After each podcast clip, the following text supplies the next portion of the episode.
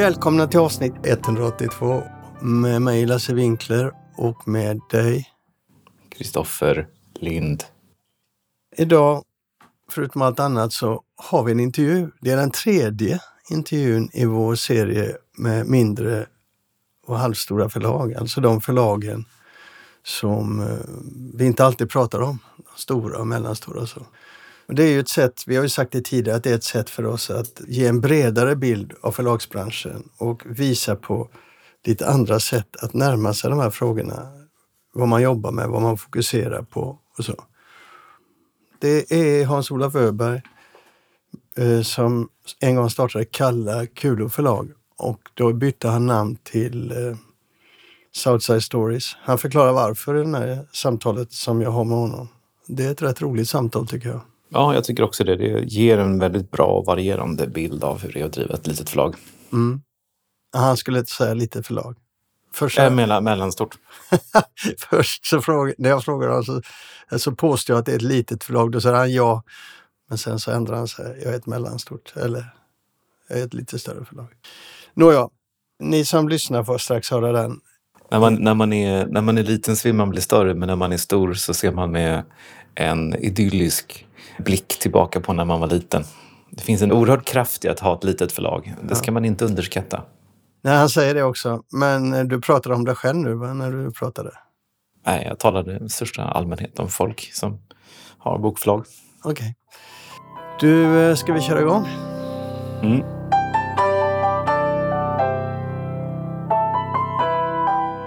Häromdagen så fick vi reda på att förläggaren Peter Usborne dog. Egentligen bara pang på så. Dagen innan han dog så hade han eh, jobbat som vanligt på förlaget i London, Aspen Books. Han hade åkt som vanligt tunnelbana till jobbet och suttit och haft förhandlingar med Harper Collins i USA. Dagen efter så dog han.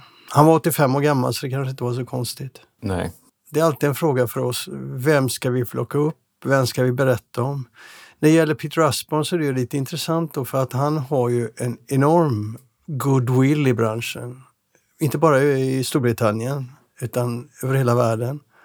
Och han fick eh, genomgående stora hyllningar som pekade ut hans gärning och vilken oerhört sympatisk människa han var, men framförallt hans nyfikenhet. Asborn Books hade ju en liten sån här tagline, Be curious. Du mötte honom en gång. Ja, jag har träffat honom ett par gånger. Han har ju den här, den här klassiska brittiska gentlemannasättet som är väldigt sympatiskt. Han är en otroligt trevlig person och väldigt bra på att konversera och har lätt excentriska drag. Och eh, första gången jag träffade honom så frågade jag om det stämde att han hade varit en av grundarna av eh, Private Eye. Private Eye det är en sån här brittisk satirtidskrift som jag har varit väldigt imponerad av. Känner du till den? Ja, oh, absolut. Ja, det, är så här superklassisk liksom, brittisk satirtidskrift. Jag har drömt om att göra en sån i Sverige. Den har en enorm upplaga i Storbritannien och eh, liksom, den kan fälla statsministrar, inte kanske statsministrar, men den, den, den liksom har en stark politisk kraft. Så jag frågade honom om det och det här var när Aspon hade något sån här jubileum i, i Bologna, hade hyrt ett stort palats. Och då svarade han mig så här, jag kommer inte ihåg exakt, men han sa så, någonting med att I'm the most famous children's publisher in the world, and you ask me if I was one of the founders of Private Eye. That is a big tragedy. When I die, you can read in the newspaper that it was true. Och det gjorde du ju nu. Ja, nu har jag läst då eh, liksom, lite dödsrunor och lite artiklar och sådär. Och överallt så står det att han var en av grundarna av Private Eye. Mm. Så att, han blev väldigt sur på mig att jag ställde den frågan. Men du, Eh, Asborn Books finns ju rätt många utgivna i Sverige. Mm. Ditt förlag är inte de som har köpt mest. Det är eh, Tukan förlag. Mm. De är helt outstanding när det gäller att ge ut Asborn Books i Sverige. Men du är ändå ett av förlagen som har gett ut Asborn Books och ger ut Asborn Books. Ja. Det är Ordalaget, det är Rabén tidigare och det är Lind Company. Men framförallt då eh, Tukan förlag. Jag ringde och pratade med Christian Bang-Melchior om hans erfarenhet av Asborn. Han fokuserade på hans nyfikenhet. Han sa, bortom allt så var han extremt nyfiken. Han kunde fråga om allting. Svenska valet, vem som ledde i politiken i Sverige. Och han berättade det, Christian, också att han sålde så pass, eller förlaget sålde så pass bra med eh, Aspborn-böcker så Peter Aspborn kom till Göteborg och träffade Christian. Och tillsammans gick de ut och kollade exponeringen på ICA Maxi och på Akis. Kan du tänka dig det? Mm. En förläggare som han och ett ICA Maxi. Och han frågade, Christian sa också, han frågade hur böckerna sålde. Och Mm, men han var väldigt intresserad av det. Men det, det, där var ju lite grann hans styrka också. när Om man tittar väldigt mycket på engelska och kanske i synnerhet amerikanska förlag så generellt sett så har de ju en eh, Eh, dels, har, dels är det mycket större skillnad än vad det är i Sverige mellan mass market och eh, bokhandelsböcker. Men också att det är en väldigt stor del av det engelska-amerikanska är... Eh, det funkar inte i Sverige av en rad olika skäl men framförallt kanske för att illustrationerna inte är sådana som funkar. Svenska förlag och svenska illustratörer håller ju väldigt hög nivå så att vi, men vi har också lite grann en annan tradition. Och det, var, det som är speciellt med Asborns böcker det är att de har liksom lyckats hitta, det är framförallt faktaböcker men sen har det blivit en hel del skönlitteratur också.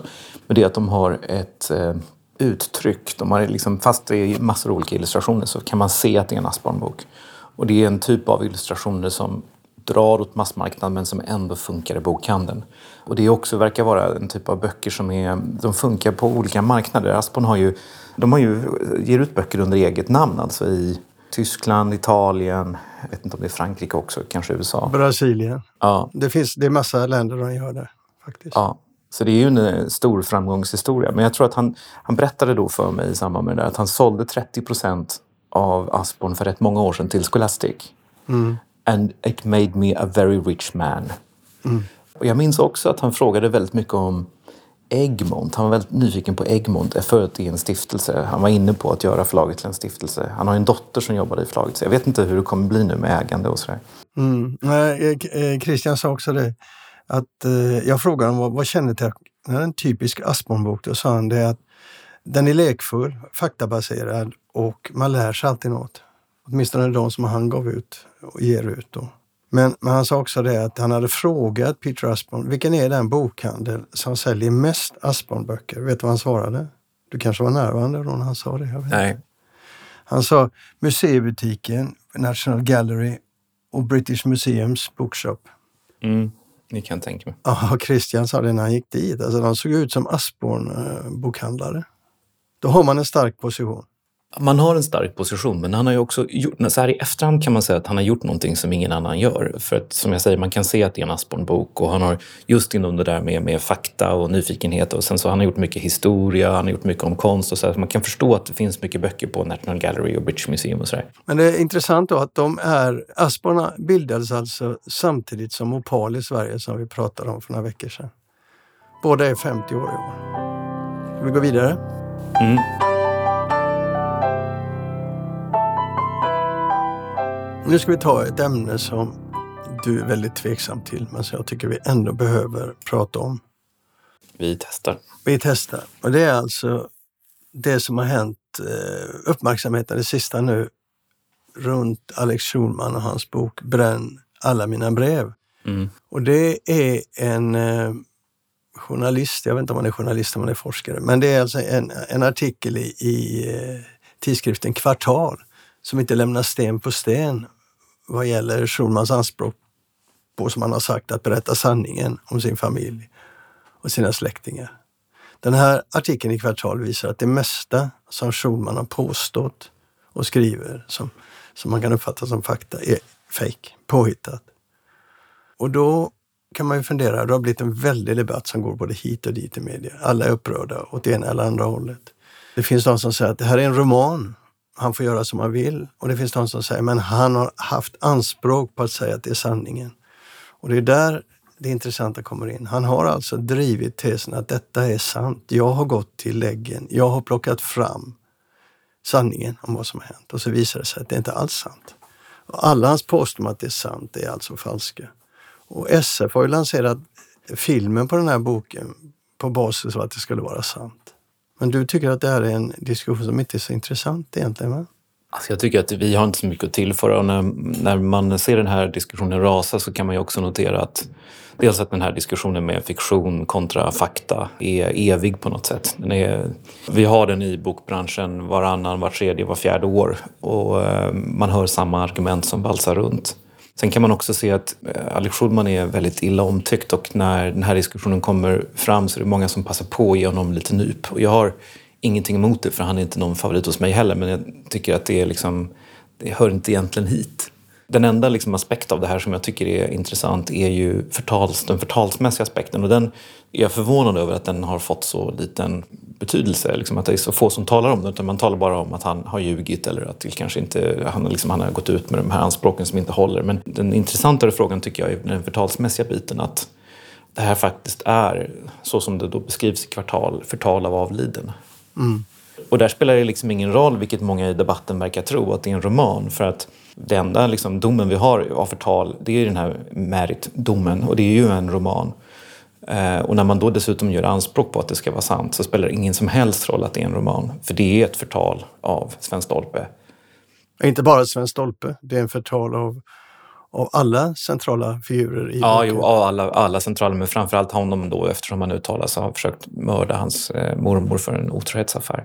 Så att, eh, men det, jag, jag, känner en, eh, en släkting, relativt nära släkting, som har varit mycket upprörd och de har varit väldigt upprörda sedan boken kom. Men de har inte gjort någonting. Men det, det här skulle ju vara intressant om det väcktes ett åtal här för förtal av avliden. För det skulle kunna bli den andra förtalsdomen tror jag i svensk historia. Det är, jag är ju inte jurist och eh, juridik är mycket komplicerat. Men jag kan inte se hur det här kan vara något annat än ett klockrent förtal av avliden. Mm. När jag läste eh, kvartalsartikeln så blev jag extremt förvånad hur slarvigt och sloppig han har gått tillväga. Mm. Sådana påståenden som han har gjort som är så lätta att kolla. Men då kan man också ställa sig frågan, varför har ingen kollat det? Mm. Borde inte åtminstone någon utav de här journalisterna på kultursidorna som tyckte att det var jättespännande och äntligen får en massa svar som inte hade haft en aning om förut. När det gäller Sven Stolpes liv, när det gäller Olof Lagercrantz och alla de här konflikterna. Ingen har kollat storyn.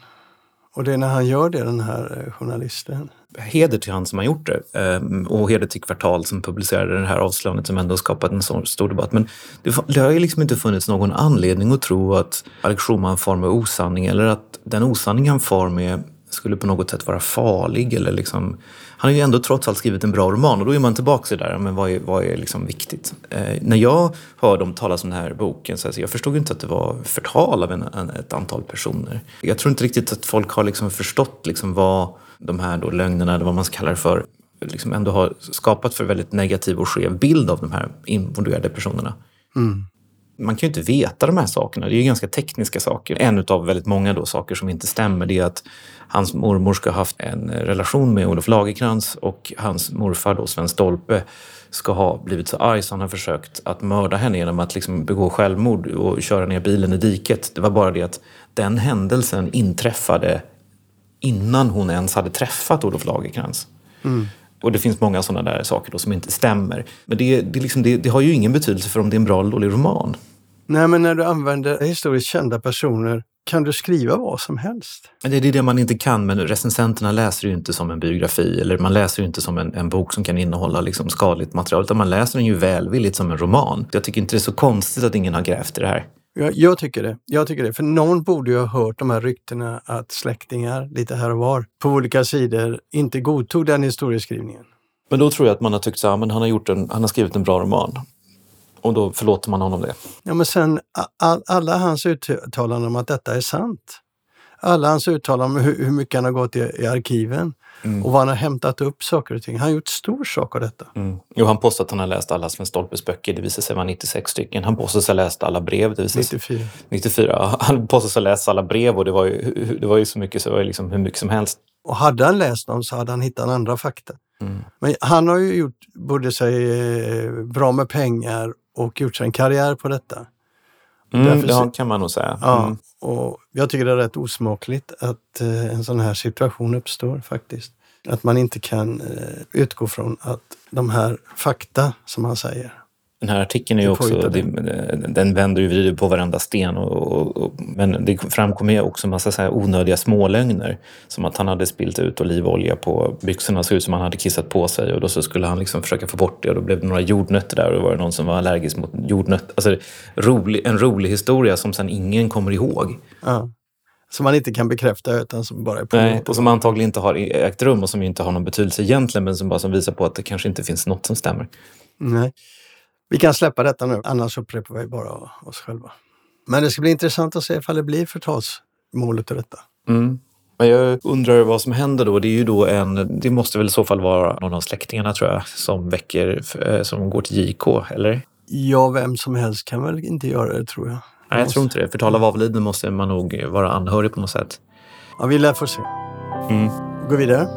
Mm.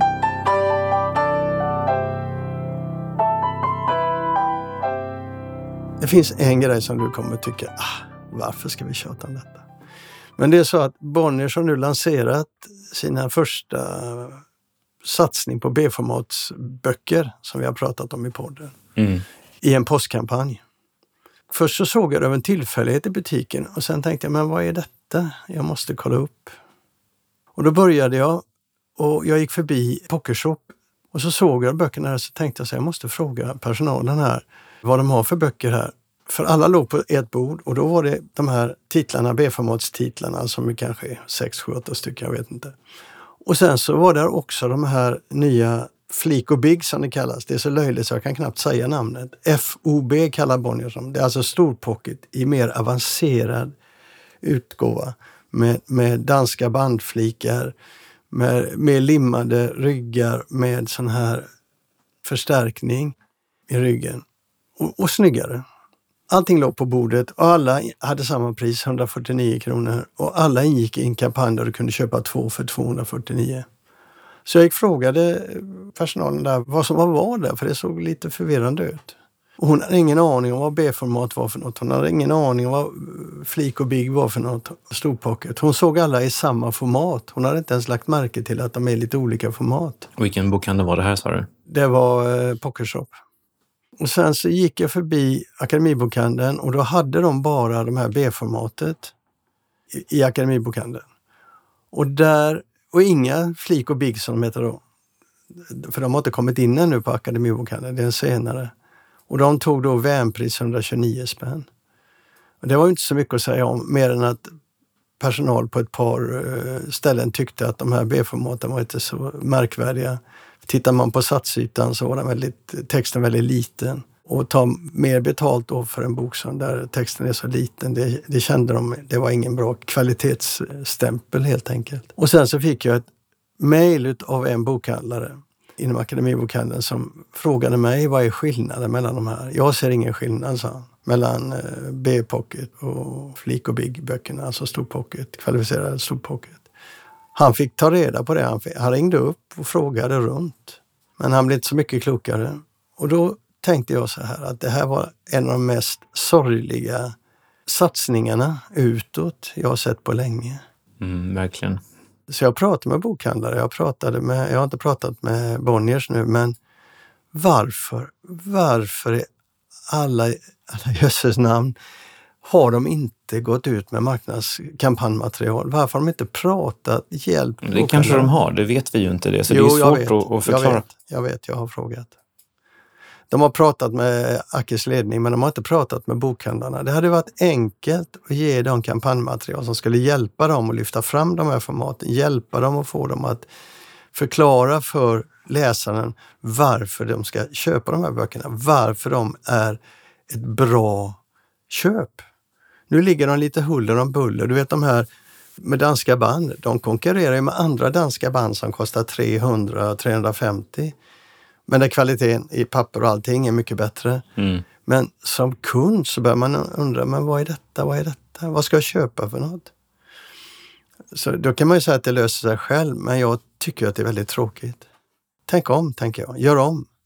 För du måste ju hjälpa bokköparen. Du måste ju få bokköparen att bli intresserad orientera sig. Jag tror ju ändå att de har försökt informera men det här visar också på det stora problemet att det är så svårt att byta ut ett gammalt format mot ett nytt. Och har man då nya format som man lanserar ungefär samtidigt som påminner om varandra men som ändå är olika så är det dömt att misslyckas. Och risken är ju jättestor att alla kommer uppfatta det här B-formatet som en dyr pocket, dyr stor pocket. Mm. Ja, det hoppas jag inte. Jag hoppas att de bestämmer sig för att gå ut. Att bokhandeln, om inte Bonniers hjälper dem, så ändå bokhandeln går ut och, och, hjälper sina anställda att prata för varan på ett sätt som är lite mer, mer intressant än det här. Det är möjligt att det går bra ändå, men, men det är helt onödigt att skapa en sån situation. För en bokhandlare sa just det, men vi har ju svårt att förklara varför den här med danska band så mycket billigare än den här som, som till exempel Natur och kultur kommer med en ny nu. Eller Sikva som ofta ger ut den typen av böcker i original. Mm. Och då blir de ju dyrare. Va? Så det kan bli ja, ja, vi knepigt. får se. Vi får se. Ja. Det som är helt avgörande vad kunderna tycker. Ja, jag tror att de, inte de borde ha hjälpt kunderna här med kunskap. Med kunderna syftar det på läsarna, inte bokhandlarna. Du, eh, vi släpper detta också, gnället.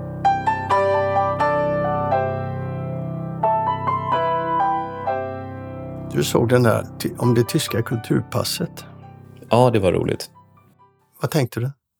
Nej, jag tänkte att jag tyckte att det var just den här typen av eh, kulturpolitik som jag tror faktiskt kan göra lite skillnad och som eh, man ser så sällan eller aldrig i Sverige. Mm, berätta vad det, exakt vad det var. Ja, nej, men det var alltså den tyska regeringen, eller tyska ja, regeringen har gett ett slags, en slags kulturpeng till alla tyskar som fyller 18 år. Jag tror att det var så mycket som 200 euro. Ja, det var det. Och då eh, kan de liksom använda det här till att lösa in till någon form av kulturkonsumtion inom ett eller två år eller vad det nu var. Och då så man får någon, man kopplar sig upp sig till någon app eller något sånt där och då kan man se vad man kan lösa in det till. Och det kan vara teater, det kan vara konserter, det kan vara museer men det kan också vara böcker. Och då är det inte så att man kan köpa ett Netflix-abonnemang eller att man kan köpa böcker via Amazon utan det måste vara från bokhandlare som är med då i det här. Och då har det visat sig att det är väldigt populärt har det blivit och eh, 50 procent av de här pengarna som spenderas går till böcker. Mm. Och jag tycker, vad jag tycker är så bra med den här saken är att det är, det är väldigt demokratiskt. Det går till alla. Eh, det går till väldigt unga människor som får möjlighet att konsumera kultur. Kanske för första gången gå på teater eller så, vad vet man. Och det är eh, det är just precis den där typen av, av, saker som jag tror kan göra lite skillnad. Och dessutom så är det då pengar som går in i kultursystemet. Så det är ju liksom en, en, en injektion också av, av liksom medel till kulturen. Och att det går då till små boklådor och till böcker, det är jättekul. Ja, ja jag, jag blev väldigt förtjust. Och så blev jag väldigt förtvivlad för eftersom vi är så långt ifrån en sån eh, uppenbart intressant sak, eller vad ska man säga? Mm. Eh, mm. En sån satsning är ju vad man skulle vilja se. Men det är väl att, att, att drömma med denna regeringen i alla fall. Ja, säkert med den förra också för den delen. Ja, men ofta när vi gör såna här saker så är det mer, eh, jag skulle kalla för Reichskultur. Liksom, man trycker upp en bok som man delar ut till alla liksom, elever om förintelsen, vilket i och för sig inte är dumt. Men det är liksom inte, eller man, man, eh, man trycker upp någon katalog som ska delas ut i en halv miljon ex. Det här är, det här är liksom så bra. Här har du 200 kronor, eller 2000 kronor, gör vad du vill inom de här områdena. Det är fantastiskt. Ja. Vi är överens.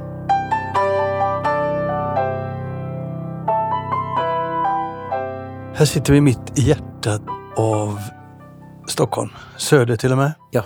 Nu sitter jag här och pratar med Hans-Olof Öberg. Precis som jag, gammal journalist. Till skillnad från mig, förläggare.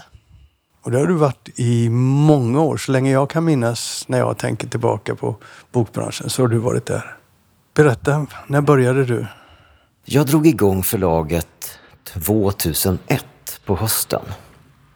Då jobbade jag i finansbranschen. Jag var ju, du kallade mig för journalist tidigare och det stämmer ju faktiskt. Jag, jag var min längsta period av karriären på tidningen Affärsvärlden och gjorde både reportage och analyser och lite av varje, features och allt vad man hittar på för någonting. Och under den tiden så kom ju tidningen då och då i svackor också och under en av de svackorna så fick jag ansvaret för det lilla bokförlaget inom affärsvärlden. Och det var lite grann så som jag faktiskt lärde mig att göra böcker. Men i vilket fall som helst, så 2001 så hade jag slutat på ett jobb och börjat på ett annat. som gav mig möjligheten att också gå en deckarförfattarkurs. Den där som alla har gått nu för tiden för Sören Bondesson. Mm. Alla i Stockholm? Alla i Stockholm, ja precis. Ja, men och en hel del på andra ställen också. På Malta och Hawaii och ja. Okej. Okay. Ett skämt.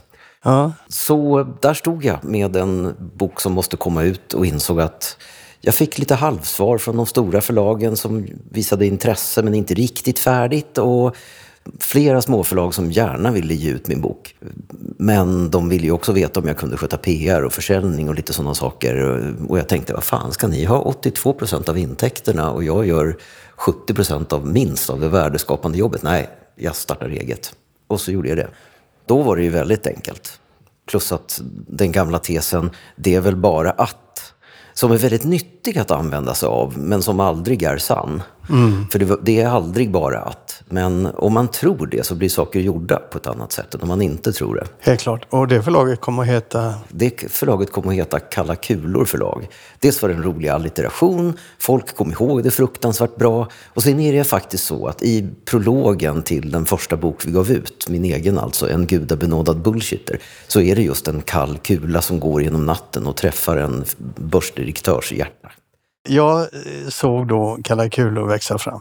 Vi startade som ett litet hobbyamatörförlag här i lägenheten med två små barn som packade böcker. Vi hade gjort en ganska lång resa med, med en massa olika inkarnationer egentligen av förlaget. Och i en av dem så kom eh, Sofia Ejheden med i förlaget och började, eh, grundade ett litet förlag, vårt systerförlag Lavendel Litt han slutade och började sen ge signaler om att vilja komma tillbaka. Och då tänkte jag att då gör vi det på riktigt. Och ska vi då inte se till att satsa ordentligt? Och vi gjorde en liten nymission och plockade in ett antal finansiella delägare. Och vi bytte namn från det ganska svårsålda och kanske inte riktigt lika aktuella längre Kalla kulor förlag som vår scout på Manhattan kallade för Clacklacklur förlag.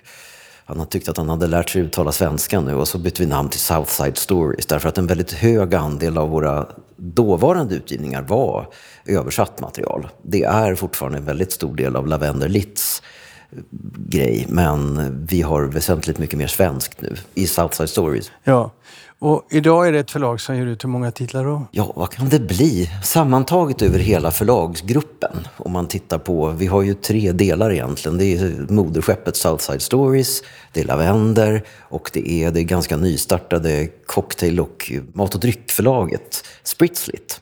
Så över hela, hela gänget så skulle jag säga att vi ger ut mellan tummen och pekfingret 20-24 titlar årligen. Och omsätter ungefär? Omsätter ungefär 15 miljoner. Är det stabilt? Har det legat där över, över tid? Eller? Nej, det är...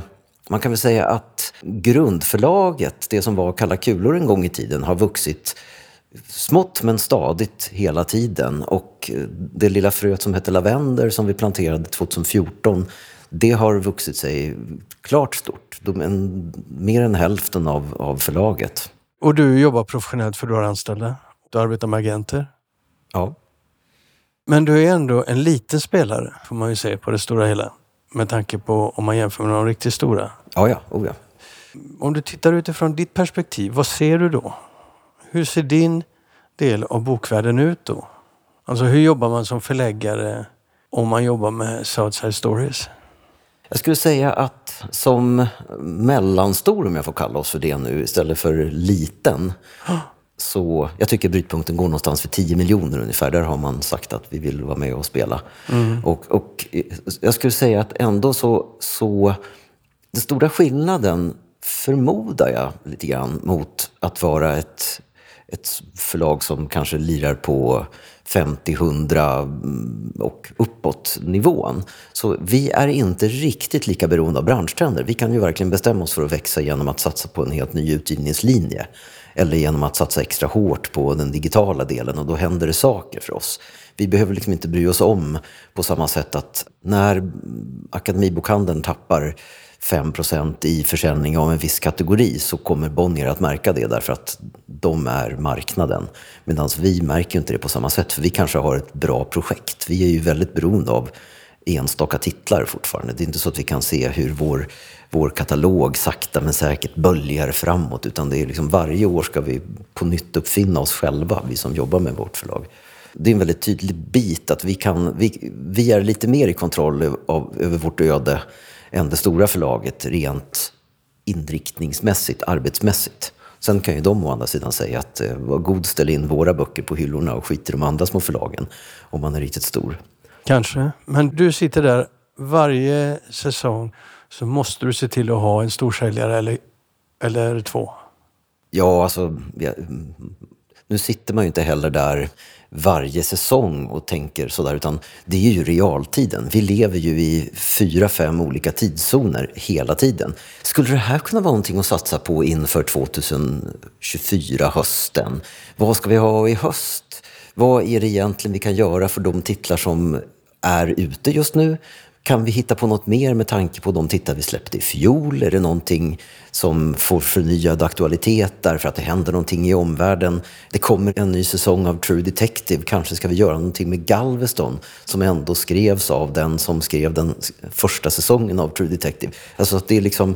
Här pratar vi om titlar från 2017 och till 2025 som liksom på något sätt, man går i det där konstant. Det blir ju som en livsstil naturligtvis.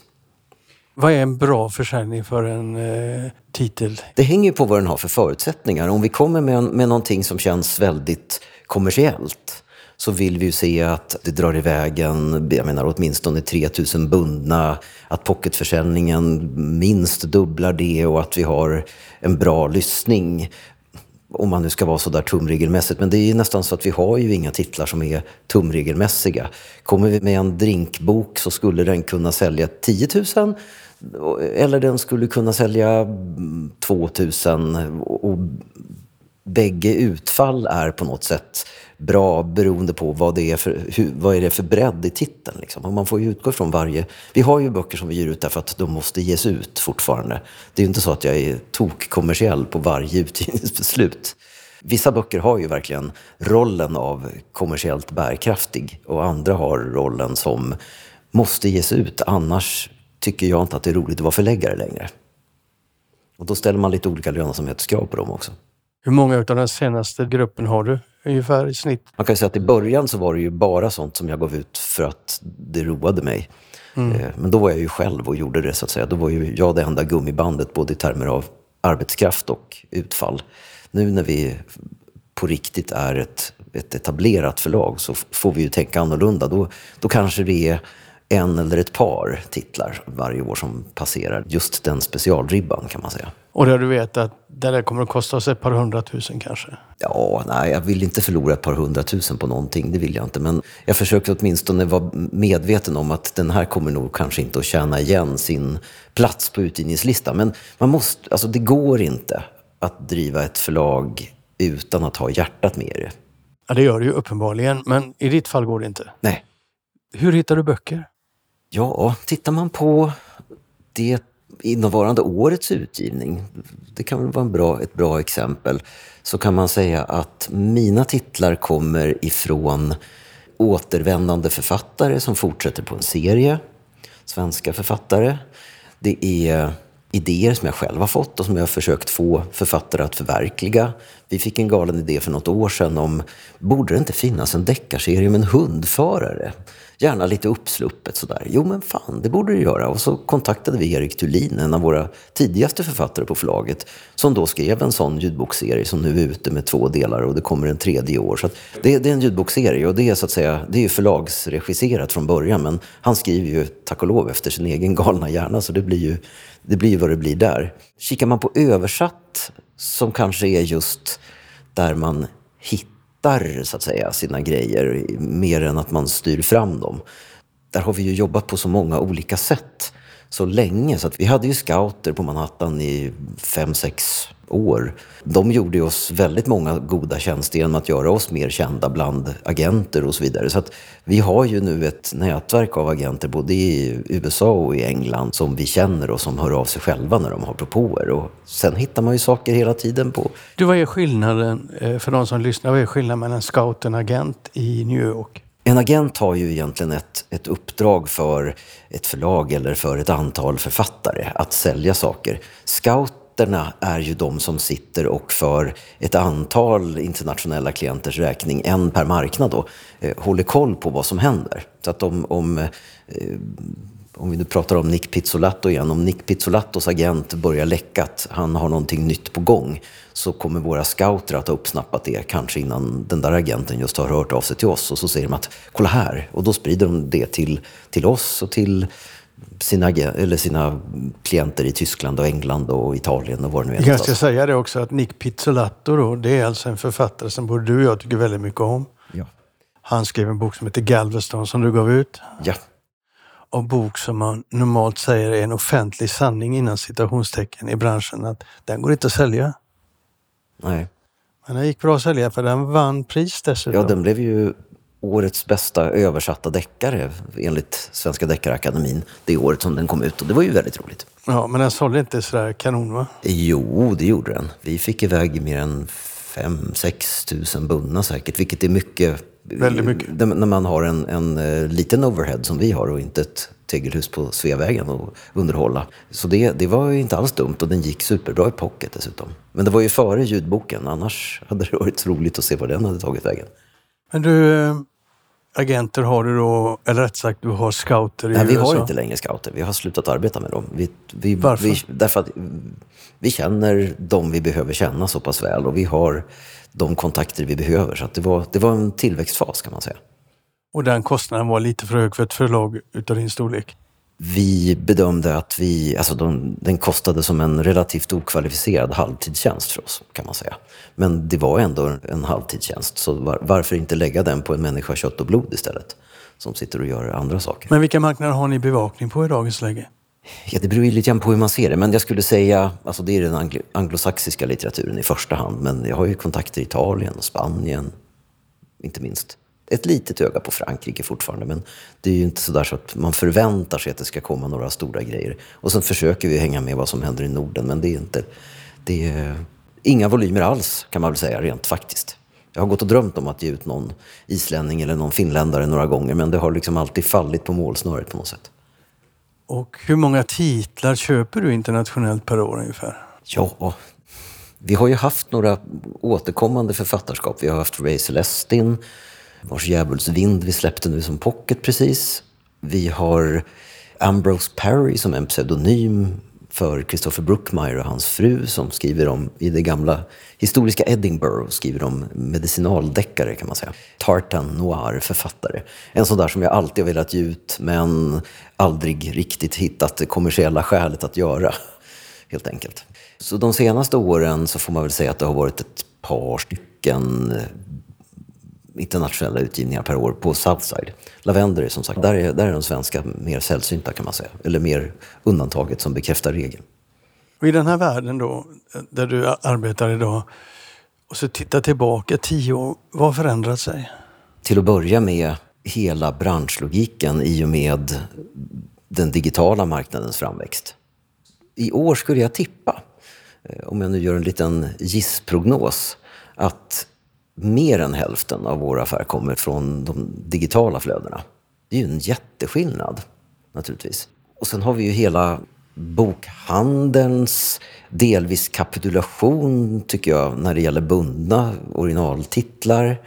Eh, men att de fortfarande faktiskt är väldigt duktiga på att sälja pocket, vilket jag tycker man har underskattat. Eller man underskattar det i, i ska vi kalla det för, vårt samtal om vart branschen är på väg. Jag tycker vi ser att pockets funkar bättre än sitt rykte, även om de inte är på de nivåer som de var för tio år sedan heller. Så att jag menar, allt som är papper har ju krympt till fördel för ljudformatet och ljudformatet är väl fortfarande mer lämpat för en viss typ av snabba, snärtiga berättelser än andra och det påverkar möjligen också lite grann utgivningen. Men där får man också säga att branschlogiken i sig, eller liksom den kommersiella logiken bakom ljudböckerna gör att det blir också lite annorlunda sätt att agera. Tidigare så jobbade ju bokförläggare ungefär som skivbolagsdirektörer. Man gav ut en vinyl med Micke Rickfors. Den sålde i 500 000 exemplar.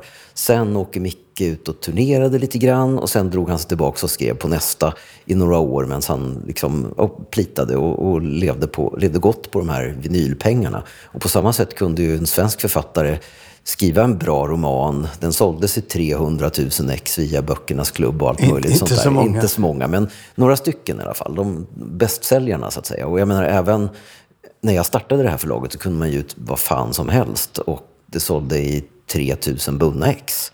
Det gick 1200 via Bokia och det gick 800 via Akis och det sprutade iväg på de andra sätt också. Det finns ju inte längre. De där 3000 exen för vad sjutton som helst, de har ju blivit 142 eller något sånt där om du bara ska skjuta blankt ut i luften. När började du ge ut eh, böcker enbart för ljud? Det var någonting som vi drog igång för, ja, det är inte många år sedan. Låt oss säga att vi började med sånt för tre år sedan. Och det, det kommer nog aldrig att bli någon riktigt stor affär för oss. Men vissa titlar tar skruv och funkar. Andra behöver kanske att de först etablerar sig i alla format och sen fortsätter som ljud. Men hur som så är det i alla fall så idag att du har en del författare som enbart går via ljud och så Ja. andra som går i andra, alla format. Ja. Hur värderar du det? Alltså författare då som lyssnar på den här podden, de, de undrar ju vad- vart marknaden är på väg. Och- de undrar vad betyder, till exempel vad betyder att bara vara, bara inom citationstecken, författare för ljud? Du vet ju hur marknaden har sett ut för en författare. Du är ju själv författare så du vet ju att man gillar när man ser pappret och så.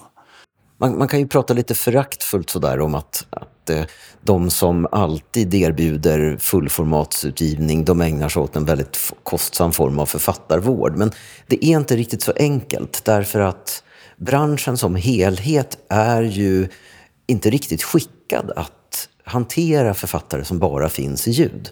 Hur många författare på de stora, i de stora, om vi nu pratar deckare som är mitt forte, liksom, hur, hur många författare som är med på de här stora olika former av deckarfestivaler och sånt där är enbart ljudförfattare. Inga, därför att det finns en bokhandel i bakgrunden som gärna vill sälja lite grann under festivalen. Och de prioriterar naturligtvis författare som har pappersböcker med sig. Och man kan ju inte bara stå och sälja ett litet vykort där det står “lyssna på mina böcker”. Där finns det en, en svaghet i vad ska vi kalla det för, branschens sätt att hantera, alltså systemets sätt att hantera den här sortens författare. Vi har eh, recensenter, det är inte särskilt många som faktiskt recenserar sånt som kommer i bara ljud. Man kan säga att man recenserar en ljudbok men så är det lik förbannat någonting som står på de stora hyllorna i bundet format också. Så att där tror jag vi behöver bli bättre för att systemet ska funka så bra som det skulle kunna göra. Däremot så, jag gör ingen värdering av att de författare som vi enbart ger ut i ljud skulle vara sämre eller bättre för den delen än de som vi ger ut i alla format.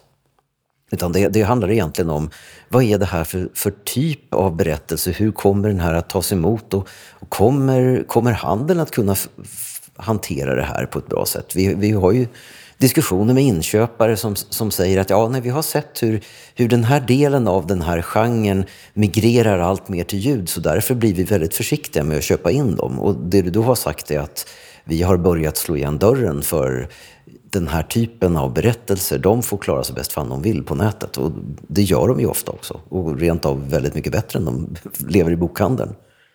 Ja, vad du säger är egentligen i klartext är att till exempel Akis då har slutat att köpa in titlar inom viss typ av utgivning som eh, vissa deckare och viss feelgood. För de går framförallt på nätet. Och det är så många så att de tar inte in den typen av litteratur då utan de som går på nätet och går bra på nätet och ser ut att leva som författarskap på nätet, de tar Ackis inte in. De förstärker den här migreringen. Eller? Om jag nu skulle peka ut någon av, av inköpsorganisationerna så skulle jag väl kanske snarare rikta fingret neråt Göteborgstrakten och Ugglan som, som är väsentligt mindre lätt flörtade på att ta in nya deckare och, och feelgood för den delen också i, i bundet.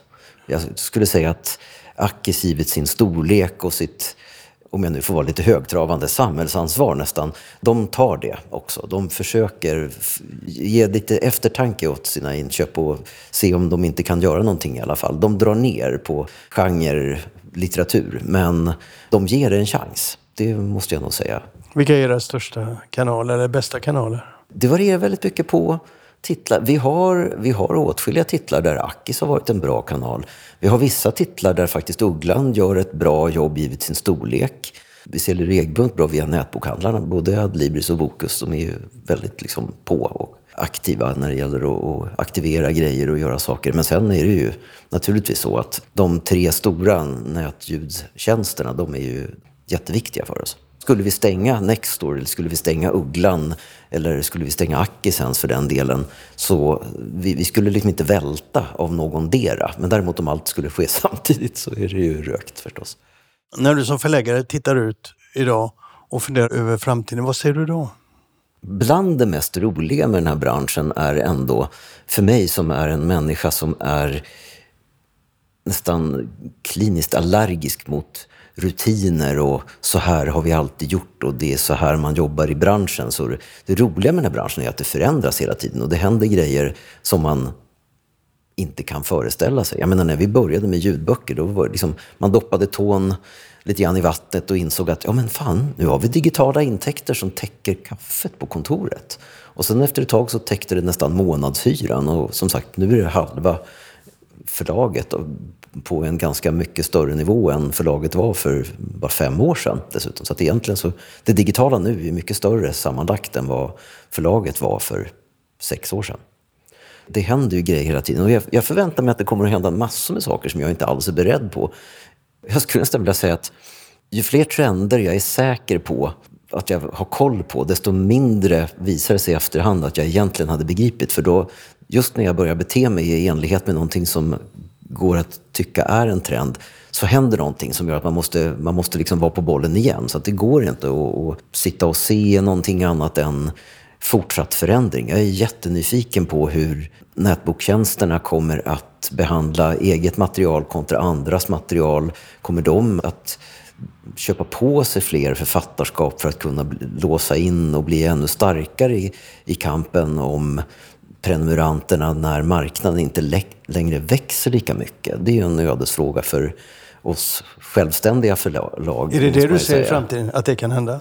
Det är en, vad ska vi kalla det för? Det är ett mönster jag ser just nu som mycket väl kan vara, eftersom jag just nu benämnde det då så kan det ju vara inaktuellt imorgon. Men, men det är någonting som, man, man, vi ser ju att antalet abonnenter till exempel i Sverige på den mogna marknaden inte växer så mycket längre. Och vi ser då tendenser till att ljudbokstjänsterna gör ljud av typen vi måste satsa mer på eget innehåll. Det sa ju Storytels VD nu. Du tittar alltså ut eh, på marknaden idag. Vad, vad, vad är det du tittar, vad är det du följer för att hålla koll i ett förlag i din storlek för att fortsätta växa, fortsätta finnas? Vad håller du koll på för att hålla jämna steg med utvecklingen? Där får jag nästan knyta tillbaks till lite grann det vi pratade om i början. Att vi behöver inte aktivt ta ställning till någon slags diffus genomsnittsutveckling. Utan det vi gör är ju det som, som vi brinner för på förlaget.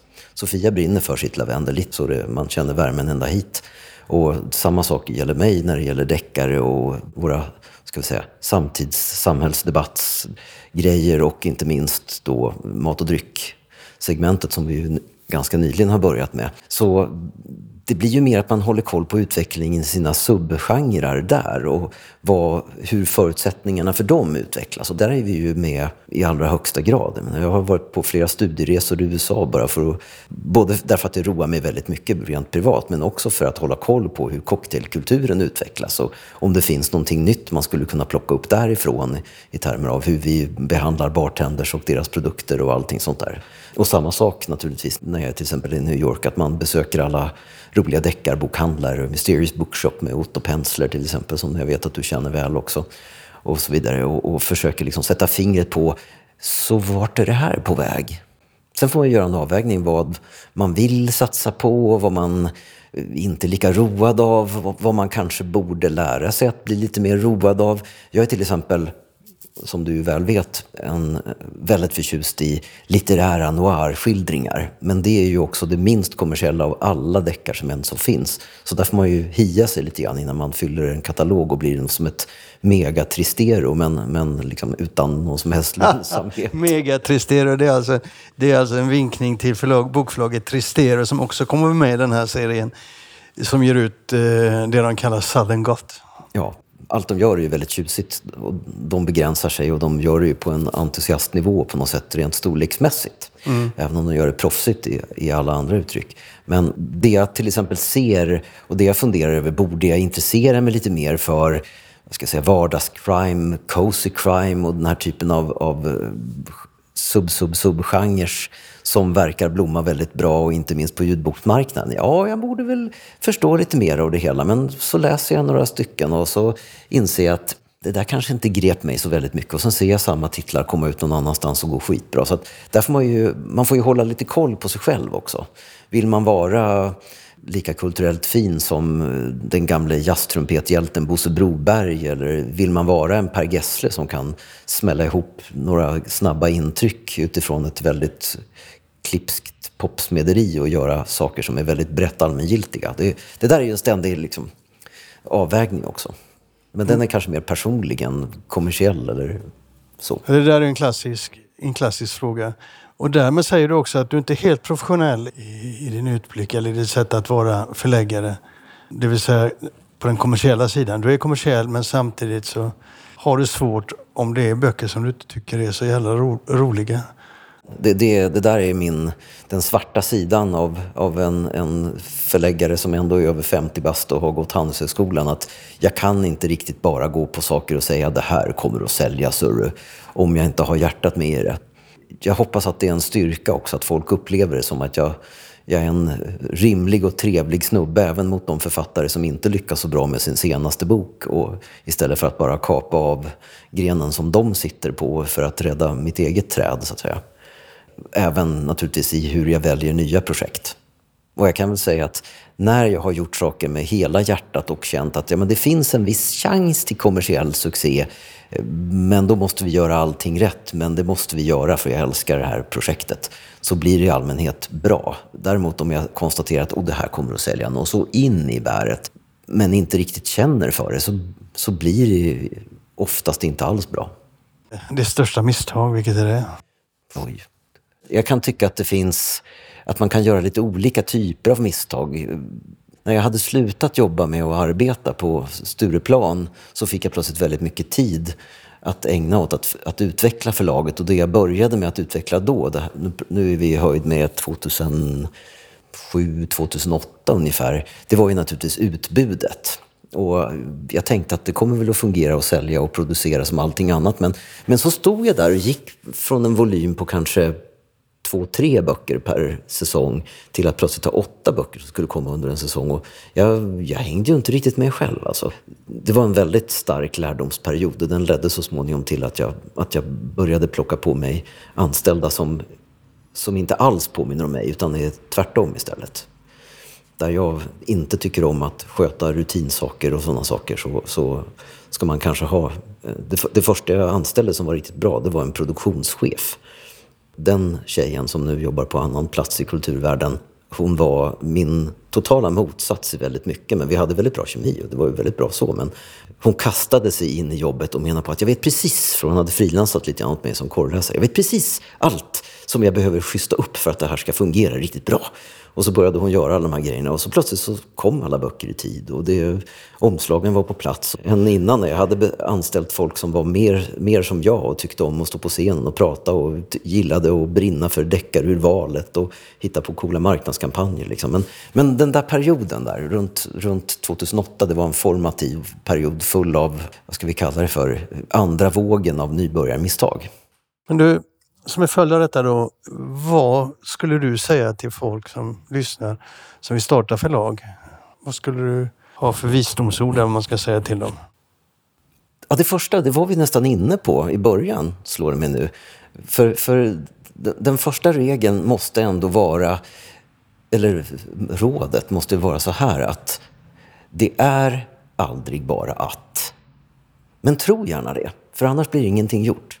Om du inte räknar med att du ska kunna ro någonting i land så kommer du inte heller att kunna göra det. Så det är lika bra att vara lite trosviss och lite, lite dum i huvudet, ärligt talat, och bara köra. För då, då kan det bli av i alla fall. Men i efterhand kommer du inse att det var inte bara att, för det var en massa andra saker. Det, det tror jag är en sak. Att i dagens läge starta ett bokförlag så tror jag man måste vara väldigt, väldigt medveten om hur man ska synas i bruset. Därför att du måste sticka ut och göra någonting som är väldigt lätt att sätta fingrarna på och du måste göra det bra. Alltså, det, här, det här snackar man om som ett gott råd till folk som skulle starta förlag för tio år sedan också. Men att, att verkligen ha en tydlig nisch och att snabbt etablera sig som någon som vet vad man håller på med i just den nischen, det tror jag är...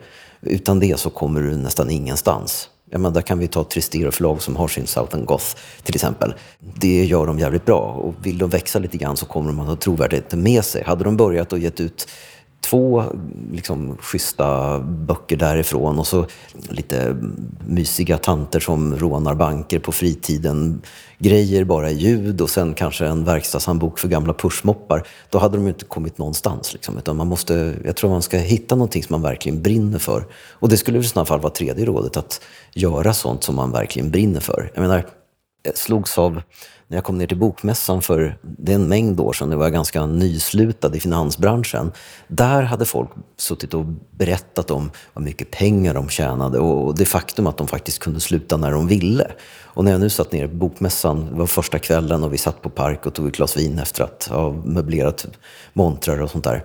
Så det, det som slog mig där, det var vad alla älskade att vara i branschen. Och hur gärna de ville hitta sätt att vara kvar trots att de inte tjänade någon kosing och det var osäkert om de fick behålla jobbet ens. Men, men det var precis exakt raka motsatsen. Man brann för det man gjorde och det tror jag är... Man blir inte rik generellt sett av att jobba i förlagsbranschen. Men man har jävligt roligt. Och jag tror att om man går in i saker och ting för att man inte kan låta bli, då kommer det att funka bra.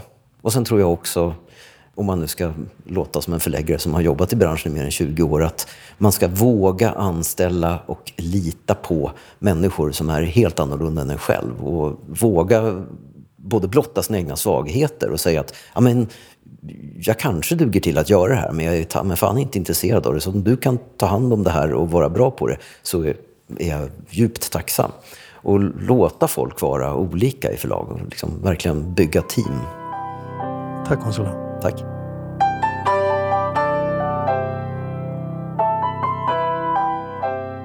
Det var allt för avsnitt 174. ja, det kanske det var. Men det här avsnittet var 182 och det var allt för det också. Jaha, okej. Okay. Ah, ja, spelar ingen roll. Nu var ännu ett avsnitt. Det var ännu ett avsnitt och vi mm. hörs nästa vecka. Mm. Ja, det gör vi. Hej då. Hej då.